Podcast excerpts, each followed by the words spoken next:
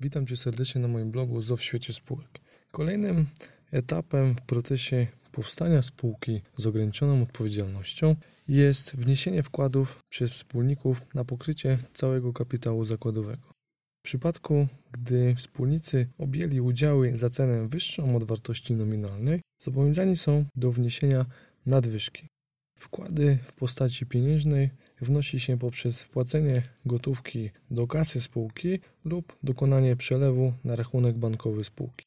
Tutaj należy podkreślić, że spółka w organizacji może zawrzeć umowę rachunku bankowego, dzięki czemu wspólnicy mogą przekazać środki pieniężne, dokonując przelewu tytułem pokrycia objętych udziałów.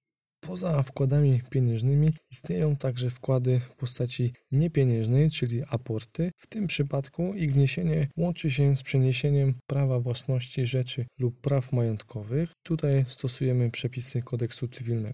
Wkłady przechodzą na spółkę z chwilą zawarcia umowy spółki, ponieważ skutkiem zawarcia umowy spółki ZO jest uzyskanie przez nią podmiotowości prawnej.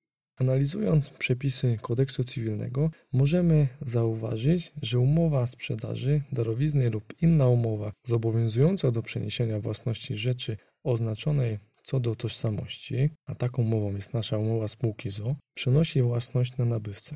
W sytuacji, gdy przedmiotem aportu są rzeczy oznaczone co do gatunku, do skutecznego przeniesienia własności wymagane jest przeniesienie posiadania rzeczy.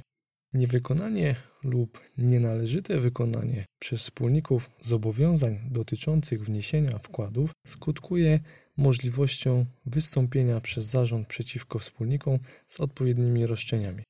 Tak jak już wspominałem kilkukrotnie w poprzednich odcinkach, przy zawiązaniu spółki ZO w trybie formularzowym za pomocą wzorca umowy, przepisy odstępują od zasady, że wkłady na pokrycie całego kapitału zakładowego powinny być wniesione w całości jeszcze przed zgłoszeniem spółki do rejestru.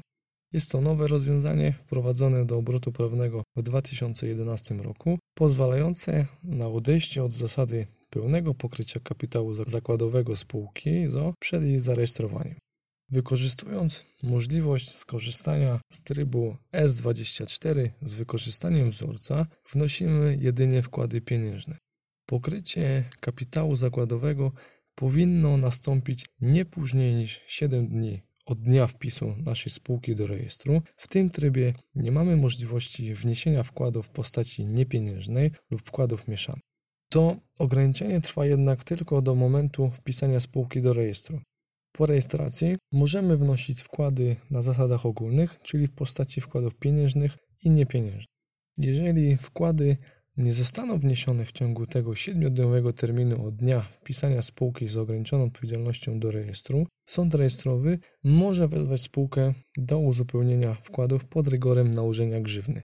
Sąd umieszcza także w rejestrze informację, że wkłady nie zostały wniesione na pokrycie kapitału zakładowego.